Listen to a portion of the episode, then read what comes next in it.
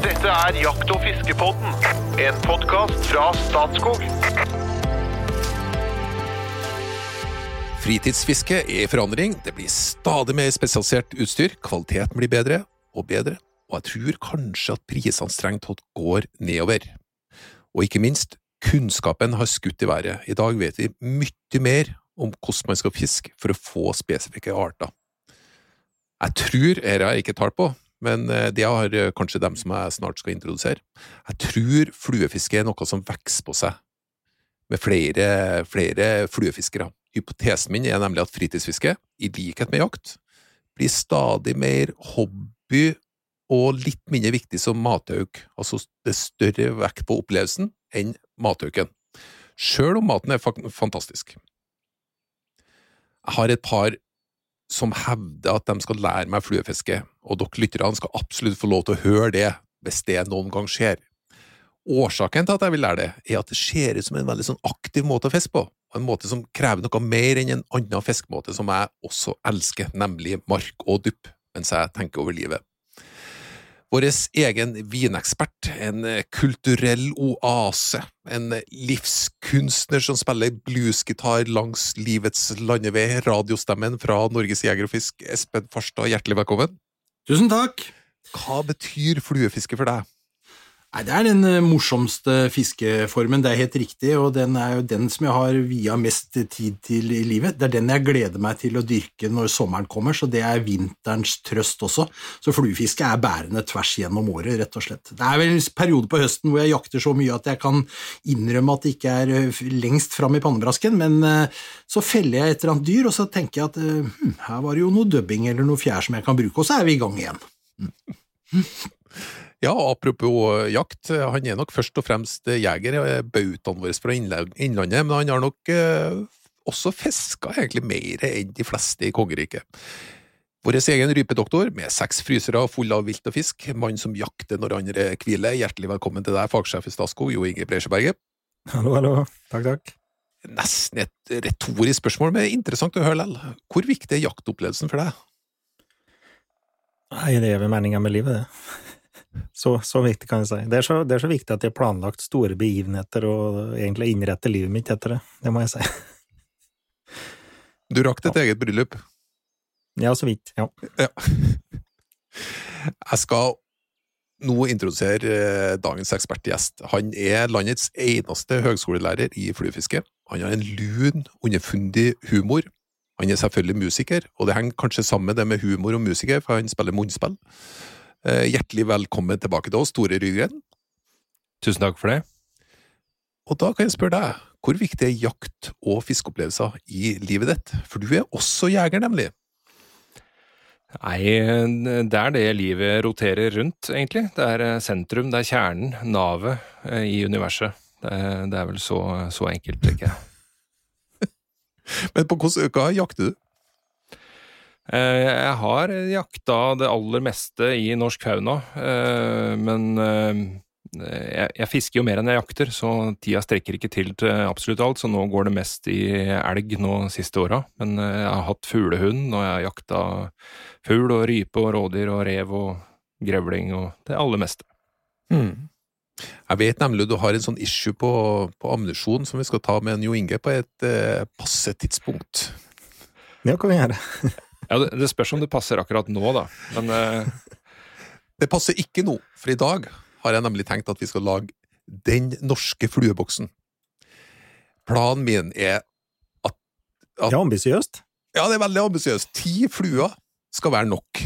Og kjære lytter, Espen han har tusenvis av fluer. fluer. Han, de er kjøpt, og de er sjøllaga, og han kompletterer sikkert med hundrevis av hvert år.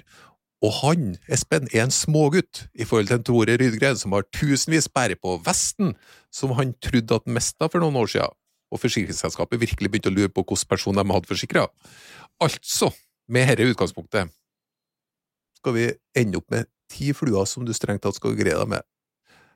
Eh, jeg aner ikke hvor vi skal begynne, men eh, helt stuereint tror jeg ikke dette blir, Tore. Nei, det- dette blir eh, stygt, og det blir vondt. Eh, Men eh, det å, det å klare seg med, med bare ti fluer i løpet av en hel fiskesesong, det blir jo omtrent som Breisjøberget, da, som klarer seg med bare seks og en halv. Det, Det er et kompromiss, Tore. Det er et kompromiss. men du, vi, altså, vi, vi snakker jo art, temperatur, insekter, imitasjoner. Eh, Er det over Ja, på hvilken måte skal vi angripe her? Nei, vi kan jo starte med å, å, å dra fullstendig i nødbremsen og si at uh, uh, vi kan klare oss med én flue. Uh, og da kan vi jo si som salige Fridtjof Nansen, at hvis du gir meg en boks med fyrstikker og noen March Brown, altså en våt flue, da skal han overleve i fjellet hele sommeren.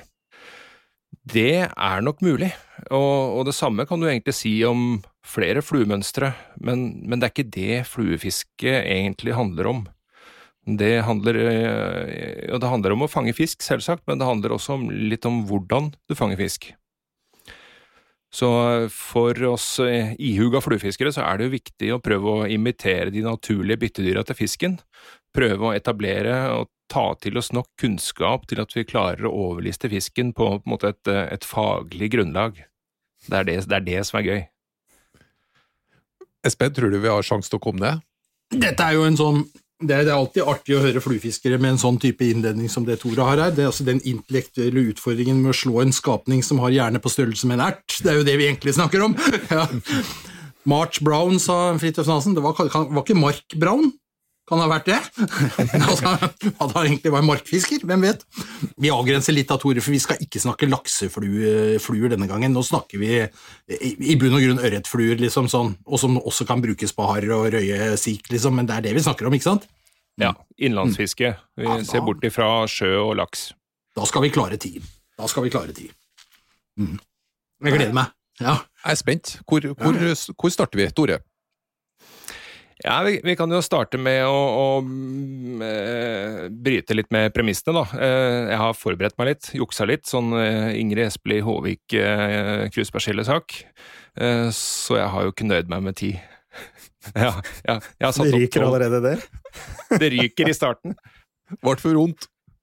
Det blei for vondt med bare ti. Altså det blei et sånn mentalt sjakkspill mellom eh, meg og, eh, og lista her, og, og, og lista vant, på en måte. Så eh, jeg endte opp med tolv mønstre. Men der, jeg har noen gode unnskyldninger da, for å ende opp med tolv mønstre. Den ene er liksom litt sånn historisk betinga, at man kan trekke linjene helt tilbake til den første sportsfiskelitteraturen som blei utgitt i 1496. Det var en liten pamflett skrevet av dame Juliana Burner, som ga ut en eh, instruksjonshefte i fluefiske, hvor hun anbefalte tolv fluer.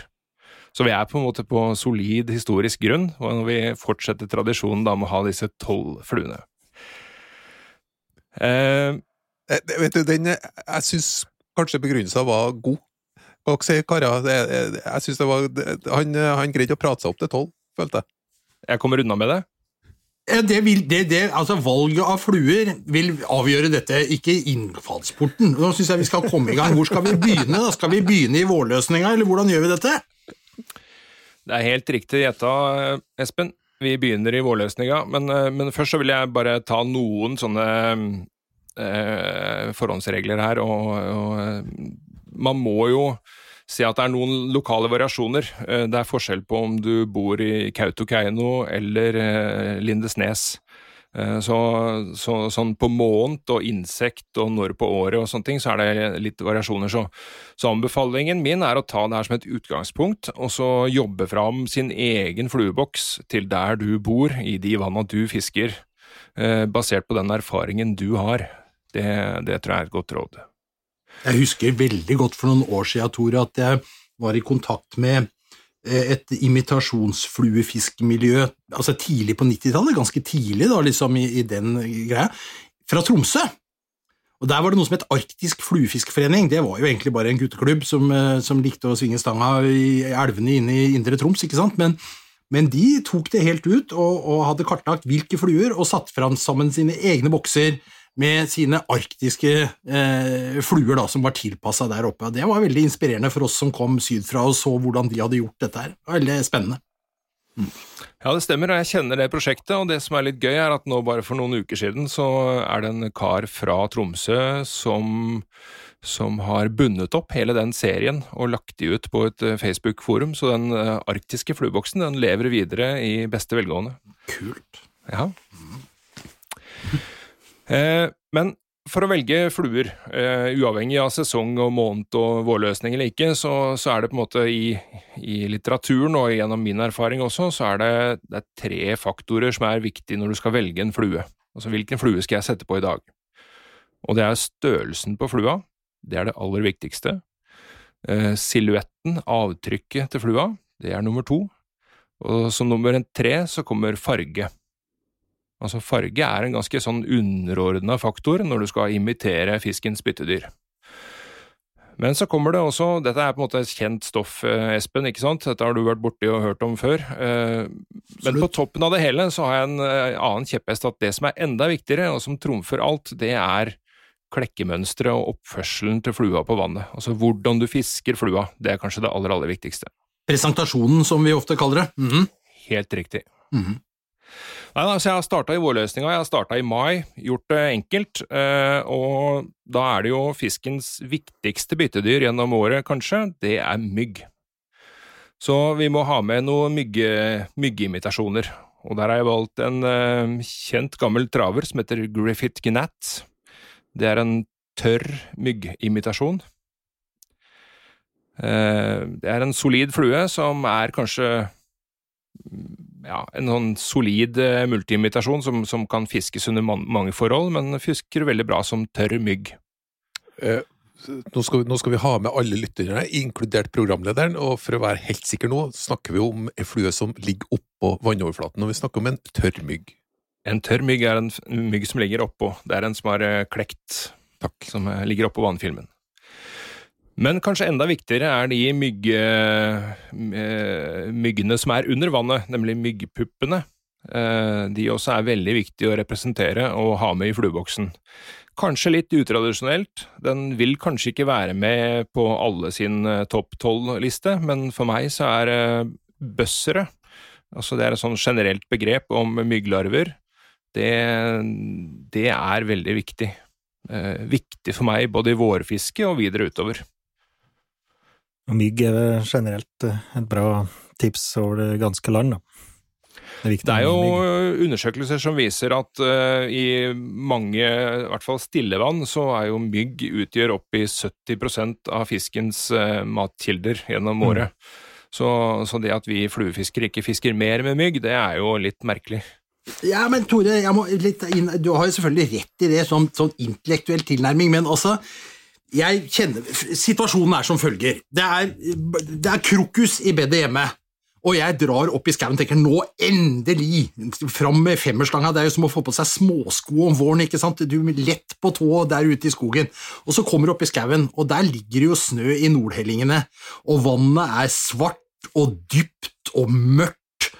Og den myggen som fisken sparsomt vaker på, den er da på størrelse med et kvart fyrstikkhode. Og fortommen du skal bruke, den er bare marginalt tykkere enn det håret som eh, du snart ikke har.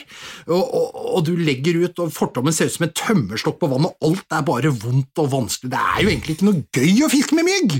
Hæ? Det er jo, jo fluefiskerens mareritt, dette her, å, å havne i en sånn situasjon.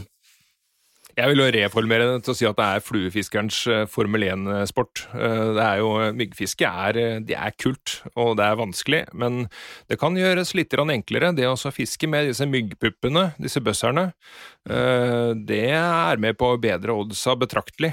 For da har du en sjanse også under vann, i tillegg til disse tørre som ligger oppå. Så jeg fisker ofte en kombo med en tørr mygg oppå, og så henger jeg en sånn myggbøsser under. 10-15-20 cm under, og i åtte av ti tilfeller så er det den som blir tatt. Mm.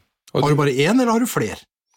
Som regel så fisker jeg bare med én. Eh, noen ganger så fisker jeg med en sånn såkalt uh, washing line også, med flere myggeopphengere innover på fortommen, så en tørrflue ytterst. Mm. men det er mer en sånn båtfiskeløsning, da. Ok, så du fisker med herre her samtidig? De to mm. Men det, det teller som to r, altså. Så det Mm. Ja, det, det teller som to. Skal, nå, skal, nå, nå, nå skal jeg holde hva jeg lover. Ja. Mygg og myggpupp. Ja. Eh, nummer tre på lista, det er eh, Volley Bugger. Det er et, eh, også en eh, kjent, gammel, klassisk streamer eh, som kan imitere alt fra småfisk til eh, igler og eller, litt av ingenting. hvert. Sånn, eh, ingenting, ja. Sånn litt større matemner da, som fisken bryr seg om. Eh, den er rett og slett med fordi vi vi, vi trenger én streamer i boksen, og da blir det Volley Bugger i dette tilfellet. Og det er ei flue som fisker jevnt bra gjennom hele sesongen, både på fjellet og i lavlandene, både i elv og i stillevann, så den, den må vi ha med. Men den Svart? kan være svart Volley Bugger, helt plain. Eh, vi må rase litt videre, da. Eh, så kommer vi til eh, også utover i mai, så da begynner de første døgnfluene. Da er det, da er det mm, eh, de, de hellige døgnfluedagene som starter, og eh, Espen tar på seg slips når han skal ut og fiske. Eh, Ja, Nei da, det er, eh, det er, det er liksom sånn, litt sånn følelsesmessig viktig for fluefiskere når døgnfluene kommer. Eh, Og i, eh, i hvert fall noen steder på Østlandet så kan du oppleve de første døgnfluene sånn i, mot slutten av mai. Da kan de dukke opp på, både på skogsvann, men også i småelvene. Så kommer disse små rodaniene, eh, en, type døgnfluer, kommer seilende nedover som små seilbåter. Og da må vi ha noen døgnflueimitasjoner. Eh, det finnes mange ulike døgnfluer. Jeg tror det er 43 ulike arter i Norge. Eh, og vi Med tolv fluer så klarer vi ikke å imitere alle. Og det er kanskje heller ikke noe mål. Så jeg falt ned på én eh, døgnflueimitasjon, som er en sånn eh, multi-imitasjon som er ekstremt fishy, og som er på topp ti-lista til veldig mange fluefiskere, og det er en Parachute Adams. Den vil kunne gå for å være de fleste av de døgnfluetypene som vi har. Kanskje bortsett fra de aller, aller største, som jeg skal komme tilbake til etterpå. Kan jeg skyte inn en liten sak der òg, Tore? Jeg må kommentere hele veien, for dette er jo kjempegøy. Uh, du, du, Rodani, dette er jo latinsk, ikke sant? Dette er latinsk. Og så Parachute Adams, alle hører jo at det er engelsk, ikke sant? Altså en fallskjermflue, som det ville hete på norsk. Adams er jo et engelsk navn, for dette er jo en gammel engelsk eh, flue. Eh, Så vi beveger oss i, i tre verdener her, norsk, latin og engelsk, om hverandre. Eh, og, det er, eh, eh, og det er egentlig veldig fint. Det er det jeg skal fram til, at det er fint at vi prater om det om hverandre, for det var en periode hvor litt sånn stiff upper lip-fluefiskere likte å briljere med latinske navn på alle fluene. Og jeg husker jo en gang jeg var nede og skulle fiske sjøørret på en odde nede i Asker sånn, og så står det en fyr og fisker, og så kommer bort til meg og sier ja, så fisker du med flue. Ja, jeg skal prøve meg litt med å se hva fisken spiser. Å ja, er du en av disse imitasjonsjævla, du, altså? så det var et hatforhold til en del av det der litt snobbete fluefiskemiljøet. Så det er bra at vi kan prøve å Vi prater gjerne latin, men, men putte på norske navn der vi kan. Ja, det er, det er blitt litt sånn pussig sjargong eh, med at man i Norge så, så slenger man gjerne på noen sånne latinske fraser i hist og pist, men eh, presisjonsnivået på det er ganske lavt. Eh, altså jeg ser mange norske fluefiskere langs norske elver som står med stor overbevisning og peker på en døgnflue 28 meter unna og, og nevner latinsk navn. Eh, uten helt å kunne si det med sikkerhet. Eh, eh, man må i hvert fall ha mikroskop i mange tilfeller for å kunne bedømme art. Så, ja. Men det har blitt en sjargong. Det er dagligtale blant mange fluefiskere. Men vi skal prøve å holde det på et noenlunde folkelig nivå her. Men Parachute Adams, altså, så det Fisken er ikke mer kresen enn at selv om det er kanskje en litt annen døgnfluesort som klekkes, så går den på den. Ja, det er min erfaring.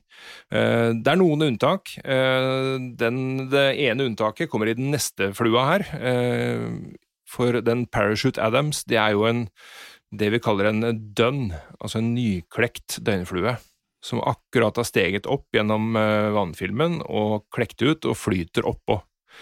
Eh, Det som også er veldig viktig i mange tilfeller, det er disse klekkerne, altså det stadiet hvor, hvor døgnflua henger akkurat i vannfilmen, og da skjønner fisken at dette er lettvint mat, dette tar vi. Og da hender det at fisken blir selektiv, som vi kaller det, at den spesialiserer seg på å spise bare de som henger liksom litt med rumpa nedi. Og der kommer det inn et annet mønster som jeg gjerne vil ha med, og det er en klinkhammer. Eh, Det er en, også en tørrflue, en døgnflue, som er bundet på kurva krok. Så den ser ganske lik ut, men den har ingen halefjær, ingen halestrå, og den øh, øh, flyter med rumpa hengende nedi.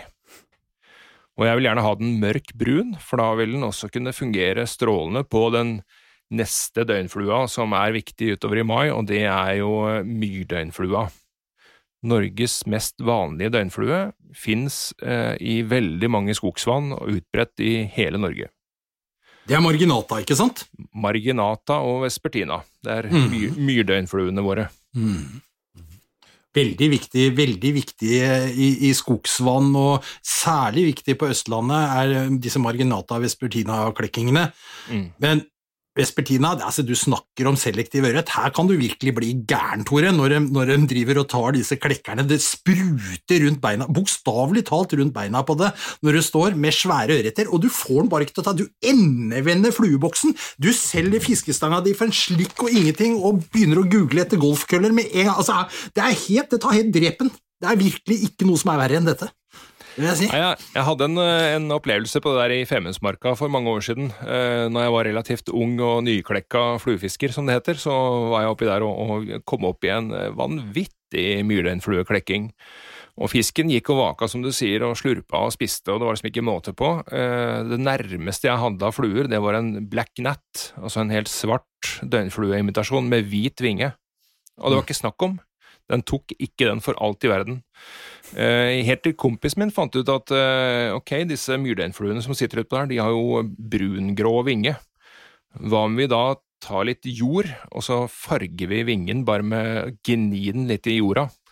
Og han gjorde det, og fisken tok med en gang. Så da løste vi problemet, fikk farga vingen litt grann, eh, sånn skittengrå. Da, da tok de. Klink, eh, apropos det, det som Espen var innom i stad, klinkhammer. Eh, fikk vi plutselig et tysk innslag her, eller? Nei, det er et nederlandsk innslag. Eh, Det er en flue som eh, opprinnelig stammer fra Hans van Klinken fra Nederland. Eh, Men den er oppfunnet eh, på Hummelvoll camping langs Glommas bredd. Ja. Eh, Det er eh, Og det er også en sånn, i, hvert fall i min bok, det kan sikkert diskuteres, men i min bok så er det også en flue som er en gigantisk misforståelse, for den blei jo oppfunnet som en klekkende vårflue, men den blir nesten utelukkende brukt som en døgnflueklekker. Så eh, ja, jeg er, ikke, jeg er ikke sikker på hvor opphavsmannen var. Det er mulig han hadde tatt seg en liten whisky når han bandt den flua. Men heldig var den uansett.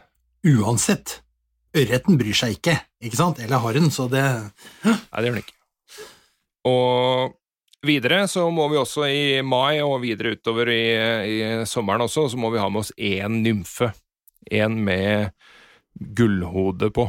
Eh, Så jeg har valgt en eh, klassisk eh, gold ribbed Hars Air med gullhode. Det er på en måte en sånn standard nymfe som fisker veldig, veldig bra. Og som det ligger i navnet, da, det er flue som er laga av kun ett materiale, og det er eh, pels fra hareøre. Så det er eh, på norsk en hareørenymfe, med litt uh, gullhode og litt bling på. Fisker veldig bra. Den var på lista mi òg. Den var på lista di òg, hør der, så bra. Wall- sammen med Wally Burger. Ja. Store hjerner tenker ofte likt. Men Tore, det er jo en døgnflue, døgnfluenymfe, egentlig, men jeg har Jeg må fortelle at jeg har ligget på i juli og fiska på natterstid etter sik eh, som kommer inn og beiter på, på vårfluer. Eh, og, og da har jeg brukt hardørenymfe noen ganger med stort hell, altså. Det er akkurat idet de liksom bryter overflaten og, og de driver og tar i en sånn semitørt eh, vak, da, da kan hardøre være giftig, altså. Ja, ja, helt klart. Og jeg, jeg tenker jo at en uh, hardørenymfe den kan jo fiskes både som en, uh, en vårfluelarve og som en døgnfluenymfe. Litt avhengig av hvor, hvor tjukk den er i uh, skrotten, holdt jeg på å si. Mm. er den, er den litt lubben, så går den glatt som en uh, vårfluelarve også. Ja. Du rufser den opp litt før du hiver den ut. Jepp. Men så bryter vi over i juni. Det er eh, virkelig festmåneden. Det er den store døgnfluemåneden. Det er da, det er da Espen ikke er på jobb. Han, eh, han tar seg fri fra 15.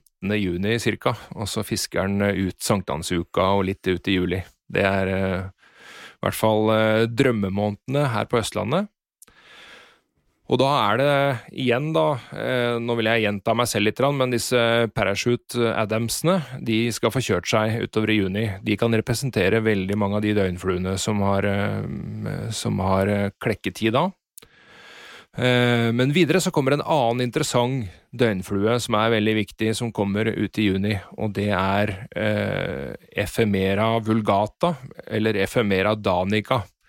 Eh, Der er vi over på latinen igjen, men eh, det er på en måte de begrepene som stort sett blir brukt om disse store døgnfluene. Da. Det er Norges største døgnfluer. Eh, De er veldig tett slekt med hverandre, men den ene, vulgata, den er kun i stillevann, og danica, den er kun i elv. Ja, du finner noe vulgata i stilleflytende, rolige elvepartier også, da. Mm. Men de er viktige, og de er ekstremt kule å fiske når de store døgnfluene klekker. Da er selv de store ørretene ordentlig på hugget. Da tenker de at oi, her er det mye mat, det er stor mat, det er masse protein. Her må vi være med på festen. Og det, det blir fest. Så det å ha et godt vulgatavann eh, på lur, det er noe av det viktigste en fluefisker kan ha i banken. Kan jeg bare skrive under på med en gang. altså. Dette er utrolig viktig. Men jeg hadde en rar Vulgata-opplevelse, Tore, som jeg må drøfte med deg. fordi at eh, jeg dro til et vann for å fiske. Jeg visste egentlig ikke at det var et Vulgata-vann, og det var så tidlig. Det var faktisk på selveste 17. mai, eh, så jeg hadde liksom ikke trua på at det skulle være så veldig mye annet enn mygg, da, og kanskje en og annen liten eh, døgnflue. Og så spruter det opp med Vulgata, og det starter liksom en vakfest uten like. Og der står jeg litt sånn ribba, uten de riktige fluene i boksen, tatt med buksene nede, langt hjemmefra. Hva gjør man? Og Jeg gravde og gravde nedi den fluegreiene mine, og nederst der så fant jeg en en, en Finnmark-boks, og i den boksen så hadde jeg liggende masse Daddy Longleg, stankelbein, imitasjoner.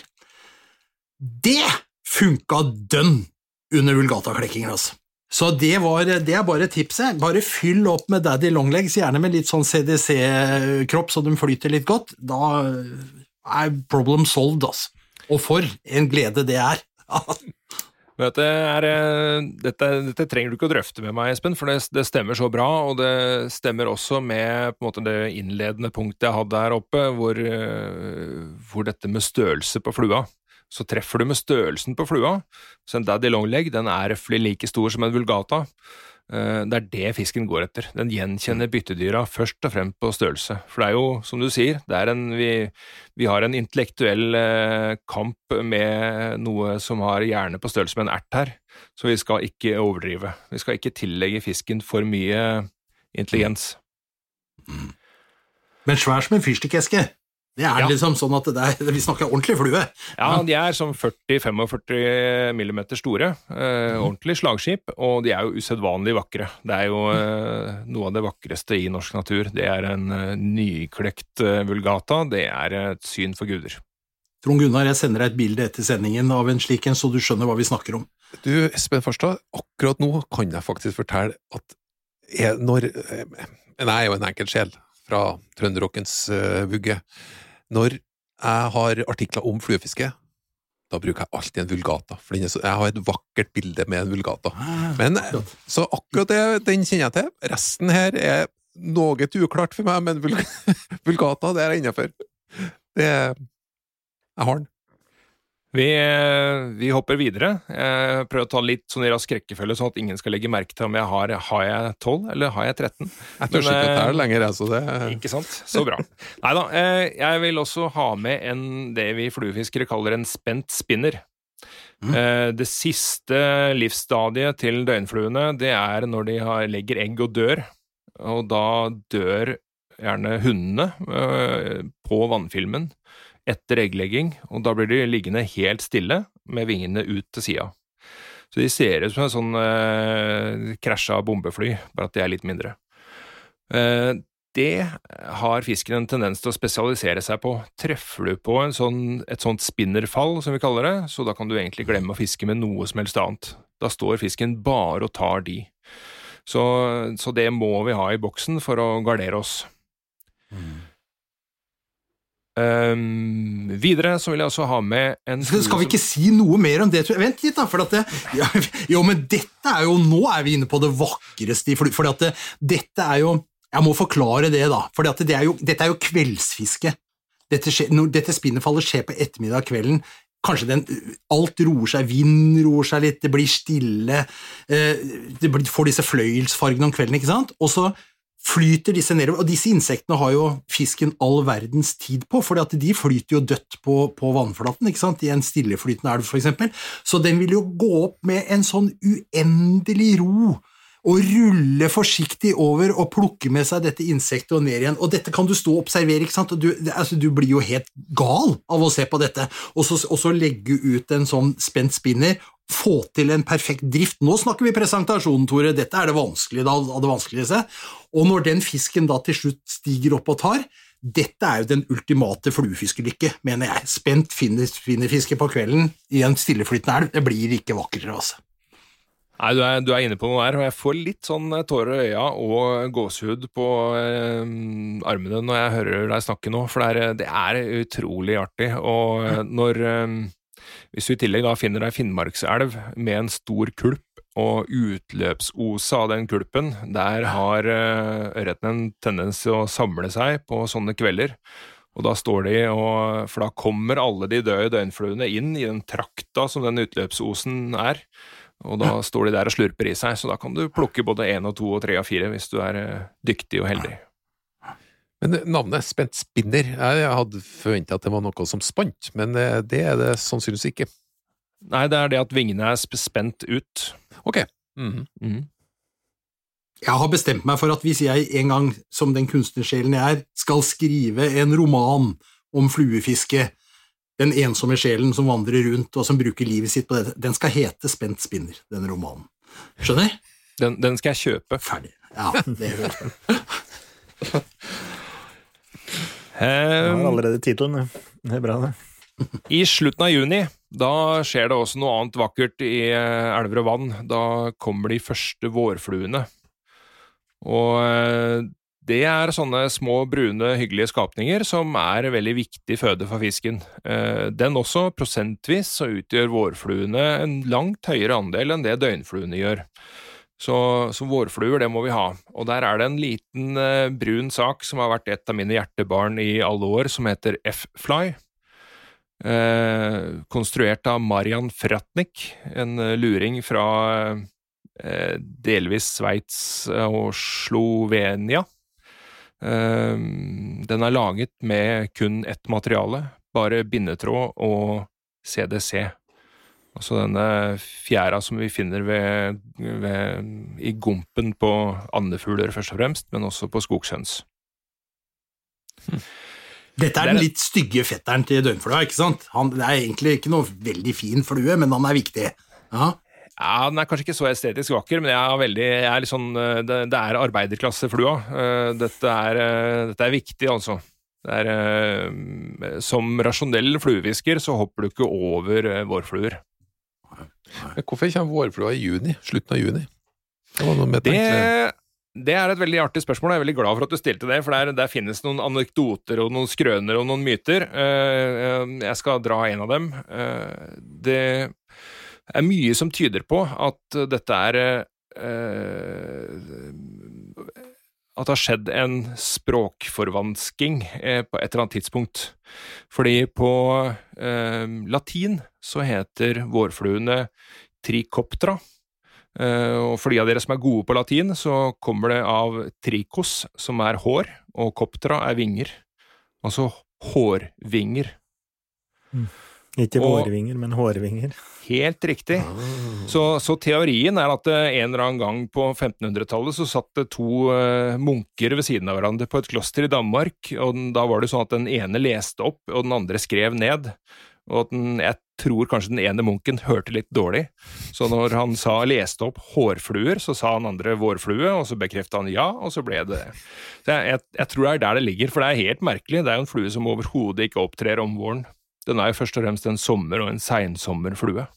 Svenskene har jo skjønt det, for de kaller jo døgnfluer for dagslender og vårfluer for nattslender, og det er en mye presis beskrivelse, for vårfluen er en kveldsklekker og natt, eh, natterangler, mens døgnfluen er ute på dagtid.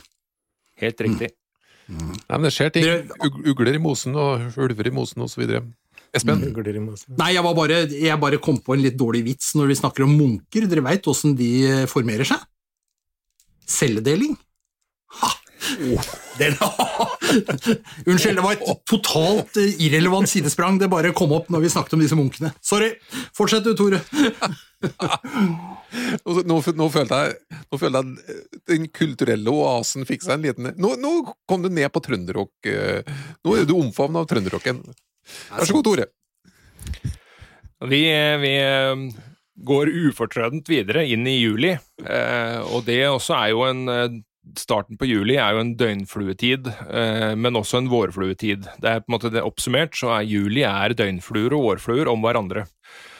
Eh, Vårfluene er jo sånn at de litt små vårfluene de klekker kanskje i starten på juli, slutten av juni, mens utover i juli så da kommer de store. Eh, Da kommer det ganske altså, vårfluer opp i en 35-40 millimeter, og det er eh, ordentlig godmat eh, som fisken er ivrig på. Og da må vi ha en litt større vårflueimitasjon som flyter litt bedre.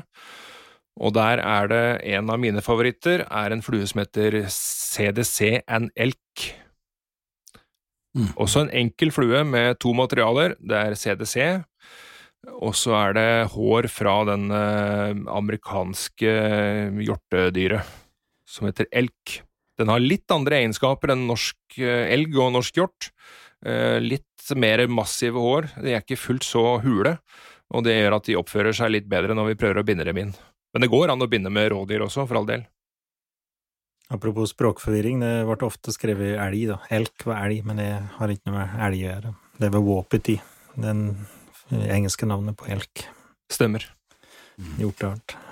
Men den har vært i, apropos språkforvirring, så har, har den dukket opp som elghår i norske fluebindebutikker, i hvert fall. Elk. Ja, det har den vel. I gamle dager, da.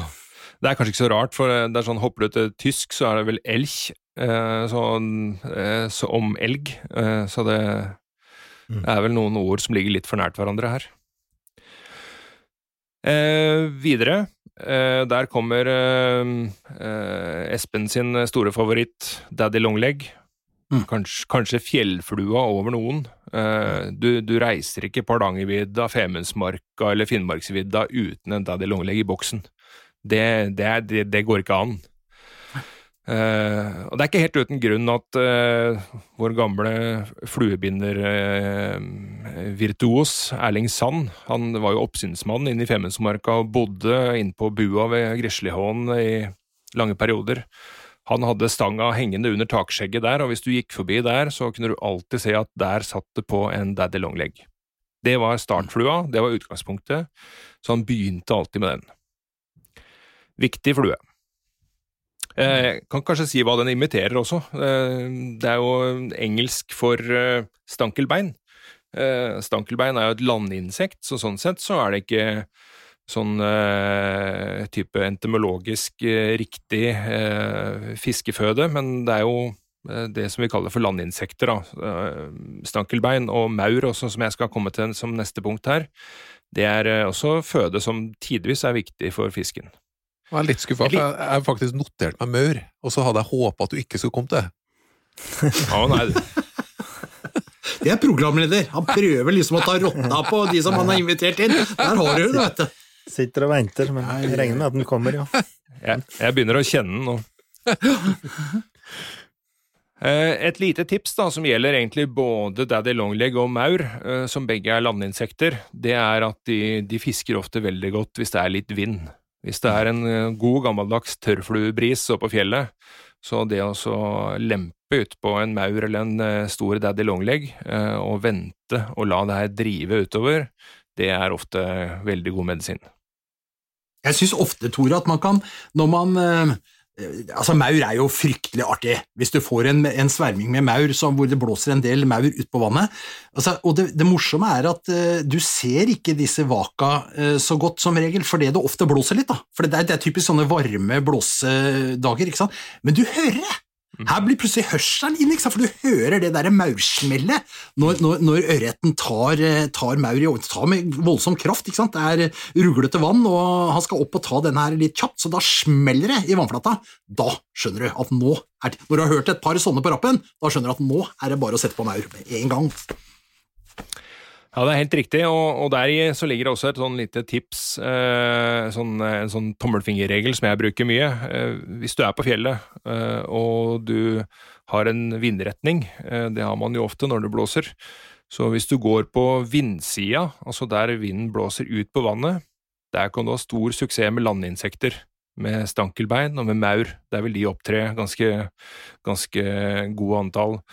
Mens på motsatt side, hvis du tåler å gå og kaste litt i motvind, så der vil jo alle, alle krøplingene av eh, døgnfluer som ikke har klart å klekke og sånne ting, de vil jo drive i land og samle seg der. Så der vil alle de akvatiske insektene drive i land og samles. Så, så hvis man tenker litt på vindretning og hva man imiterer, så kan det ofte være til hjelp. Eh, jeg tar sjansen. Har du kommet til tolv nå? Nei. Nei. jo da. Jeg jeg, har, jeg, har, jeg har, egentlig det. Um, og det, grunnen til det er at utover i august og september, som jeg også har med meg som to måneder her, uh, der gjentas ofte bare mønstre, sånn at du, mm. du, tar med deg mange av de samme fluene, uh, og kan fiske de på samme måte, men det er de samme mønstrene som går igjen, da. Bare sånn helt kjapt, så august, små døgnfluer uh, og vårfluer dominerer. Kommer du ut i september, så da er det igjen mer mygg, og kanskje også små døgnfluer og streamerfiske som gjelder. Jeg går litt, sa du, litt tilbake. Sa, ja, Jo Inge? Ja, sa du favoritten din på maur, Tore? Ja, det er, ja, det er, rett, og slett, det er rett og slett bare et maurmønster. Jeg har ikke gitt det noe sånn spesielt navn. Eh, men en, en skog, skogsmaur i krok tolv Eh, personlig så liker jeg at de flyter med rumpa litt nedi. Eh, at de ikke, er, ikke flyter helt tørt. Jeg tror fisken ser dem lettere når de ligger litt lavt i vannet. Du snakka innledningsvis om størrelse på flue, silhuett og farge. Det, og nå, nå, har du tolv, som er et sånt uh, grunnsortiment. Er det sånn at hvis du overdriver litt, så blir flua di mer attraktiv enn uh, alternative bytter som ligger på vannet? Det kan det gjøre, eh, men det kan også være motsatt. Eh, det som eh, i mitt hode er en sånn generell regel på det der, er at hvis du har en, en normal, sparsom klekking, så forsøk å imitere størrelsen på det som blir tatt. For da tar fisken ofte alt som kommer. Rubbel og bit som ligner på det de spiser, den blir tatt. Men er det en sånn massiv klekking, det som vi kaller for teppeklekking, da, da kan det lønne seg å velge noe som står litt ut, og som er litt annerledes. Eh, mange som har suksess med å sette på en døgnflue som er litt mindre eller litt større. Eller kanskje den har litt uh, glitter og stas, uh, litt uh, bling i kroppen, et eller annet som gjør at den ser litt annerledes ut.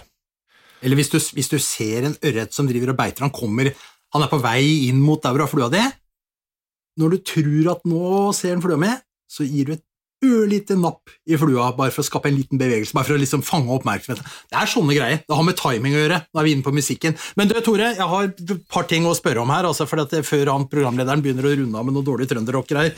Det er altså vi, vi har jo Det er to fluer jeg savner som jeg virkelig savner, og jeg skjønner jo at du har måttet gjort et utvalg, og det at det er vanskelig, men det ene er steinfluer hadde du ikke mer i hele tatt det er jo en veldig sånn tidlig egen flueart. Så, men hvor viktig det er som flue, det vet jeg ikke. men jeg tenker, Når du starter med mygg, så ja.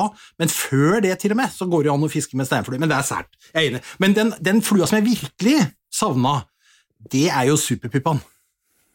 For meg er det liksom kanskje den beste allround-flua som er mulig å få fatt i. Det er, det er en artig greie, for det, det, var jo noen svensker som satt under en klekking av noen vårfluer og ikke fikk fisken til å ta, og, så, og, og de hadde jo imitert ned til jeg holdt på å si nærmeste kjønnshår på den flua, det var så nøye, de hadde sittet og pirka og lagd, ikke sant, og så er det en som tenker at dette er jo helt feil, det er jo ikke den perfekte visuelle imitasjonen, det er jo liksom bildet som fisken ser, og så jo, dette er jo fluer som beveger seg i overflaten, så de prøvde da ved å ta dette heklet, altså disse fjærene som, som, stikker ut, og få dem til å stikke ut på hver side av flua, sånn at bildet fisken ser, er uro, et urolig bilde, et bilde av bevegelse. Og dette funker, altså. Det er helt utrolig bra. Og det, jeg syns det er litt morsomt, for det er jo imitasjonsfiske på det beste, hvor man liksom utfordrer seg sjøl litt på, på, det man tror man driver med, og så en helt annen innfallsvinkel, og så får man en løsning på det. Så det er eh, det er greit. Men mens jeg først har ordet, så kanskje jeg kan få lov til å ta en liten limerick, da? Så siden vi alltid skal ha en limerick, så har jeg, burde, også laget jeg burde, en. Jeg burde få lov til å forsvare meg litt først, eh, Espen. Eh, for ja, limericken. gjør det. Jeg synes ja. jeg, eh, en fordel. Du, ja. du, du har helt rett. Eh, en, en, sånn svømmepuppe, en sånn klekkende vårflue, det, det, må vi ha med, og det har vi med. En, en CDC, en elk, den fisker veldig bra på sånn type fiske. Mm. Eh, jeg kan også spe på den historia di om disse svenskene. da, Når de fant opp den flua, superpuppaen, så fant jeg at den var så effektiv at de måtte holde den hemmelig. De var redd for at folk skulle tømme elva for fisk. Så første to, tre, fire åra som den eksisterte, så het den ikke Superpuppaen, den het hem Hemmeligflugan. Og den blei jo oppfunnet i min bakgård i, i Renaelva av Bergkvist og Bostrøm, hvis jeg ikke husker helt feil. Ja, riktig. Stemmer. Eh, når det gjelder det med steinfluer også, så har du også helt rett. Det er et sånt uh, finfiske på, på steinfluer som kan komme veldig tidlig på våren. Eh, jeg har vært så heldig at jeg har allerede vært ute i Glomma og fanga de første harrene på tørrflue, eh, så det var veldig stas. Og da bruker jeg en F-fly. Eh, ja. Den er sånn lavtsittende, ligner litt på en steinflue, har den lave, fine silhuetten, så det, det, funker helt greit. Så da var konklusjonen at uh, han hadde helt rett, men feil. Da går vi tilbake til Limerick. da går vi til Limericken. Ja, jeg går rett på sak her. En fluefisker bosatt hos Statsbygg ble på fisketuren plutselig litt utrygg. Flueboksen var fin, fylt med fluer på latin, men fisken ville bare spise stikkmygg. Du verden, Espen! ja. Bare sånn at programlederen programleder forstår. Stikkmygg? Ja, altså mygg som stikker? Ja, det er jo også det. Du har, liksom, du har fjærmygg, og så har du stikkmygg, liksom, sånn grovt sett. ikke sant? Og det, det, var bare for at det skal jo gå opp i rim. Ja, jeg beklager, jeg beklager, det er et slags nødrim. Messing ja. with perfection, det var ikke, det var ikke helt uh, innafor. Eh, ja. For en trønder er det vanskelig å se, ja, det er det det er. Ikke sant? Det er den type nødrim, du skjønner? Ja. Jeg utfordra jo egentlig Tore til å kjøre uh, Det går likere nå-introen på munnspill, og det tror jeg kanskje ble utsatt til neste gang, for det, jeg glemte det i starten. Ja, det burde du ha meg, gjort meg oppmerksom på litt før, så skulle jeg ha vurdert det, og forkasta det. du gjorde det sist, da, skjønner du, men uh, jeg er vant til å bare holde ut. Stammen er undervurdert. Vi skal begynne å gå ned for uh, landing. Selvfølgelig skal vi ha en hot or not før vi er helt ut. Men før det, uh, kjære lytter, hjelp oss gjerne med å nå fram til enda flere, sånn at vi får spredt kunnskap og glede om jakt og fiske. Og del gjerne på sosiale medier, gi oss rating på Apple Podkast, og fortell uh, om oss til jegere og fiskere som du tror kan ha glede av å høre på oss.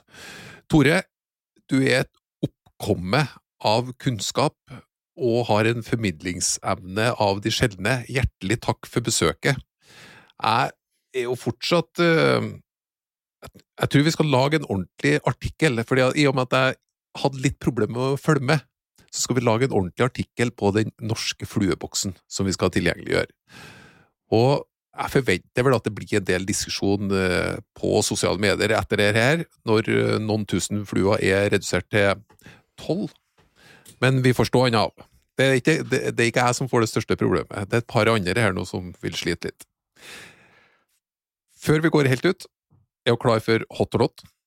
Ja visst. Og nå skal vi gjøre det sånn at den Tore skal svare først, og så skal Jo Inge svare, og så Espen. Og vi starter. Oppdrettsrøye. Hot or not? Not. Var ikke Espen? Not? Nei, det var jo Det Inge. var, det var jo Inge. det, er- det er ikke bra her, Jo Inge. Nei, ok. Beklager virkelig mye. Not. Not. Å ja, not på alle sammen. Oppdrettshjort. Hot or not? Not. Not. Not. Ok. Smalahove. No, hot or not? Hot. Hot. Hot. Jaguar I-Pace. Hot or not? Not. Hot. Hot. Eh, Toyota Land Cruiser. Hot or not? Definitivt not. Hot. Hot. Og billige fluestenger fra Kina. Hot or not? Not. Ja, not. Hot. Ja, Men da skal vi gå ned for landings, folkens, eh, med en felles hot. Låta 'Det skulle ha tatt seg ut' med Namsos-rockeren Shan Torsvik. Hot or not? Not. Not. Not. Det var Shan? Heter han og alle sammen! Hjertelig takk for følget, og velkommen tilbake neste fredag!